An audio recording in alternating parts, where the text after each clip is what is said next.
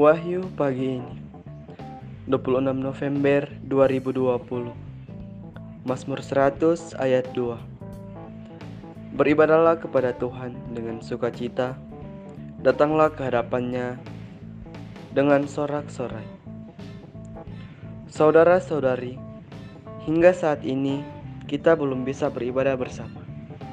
Namun tetaplah menghadap Tuhan dalam doa-doa kita dengan sukacita. Selamat pagi.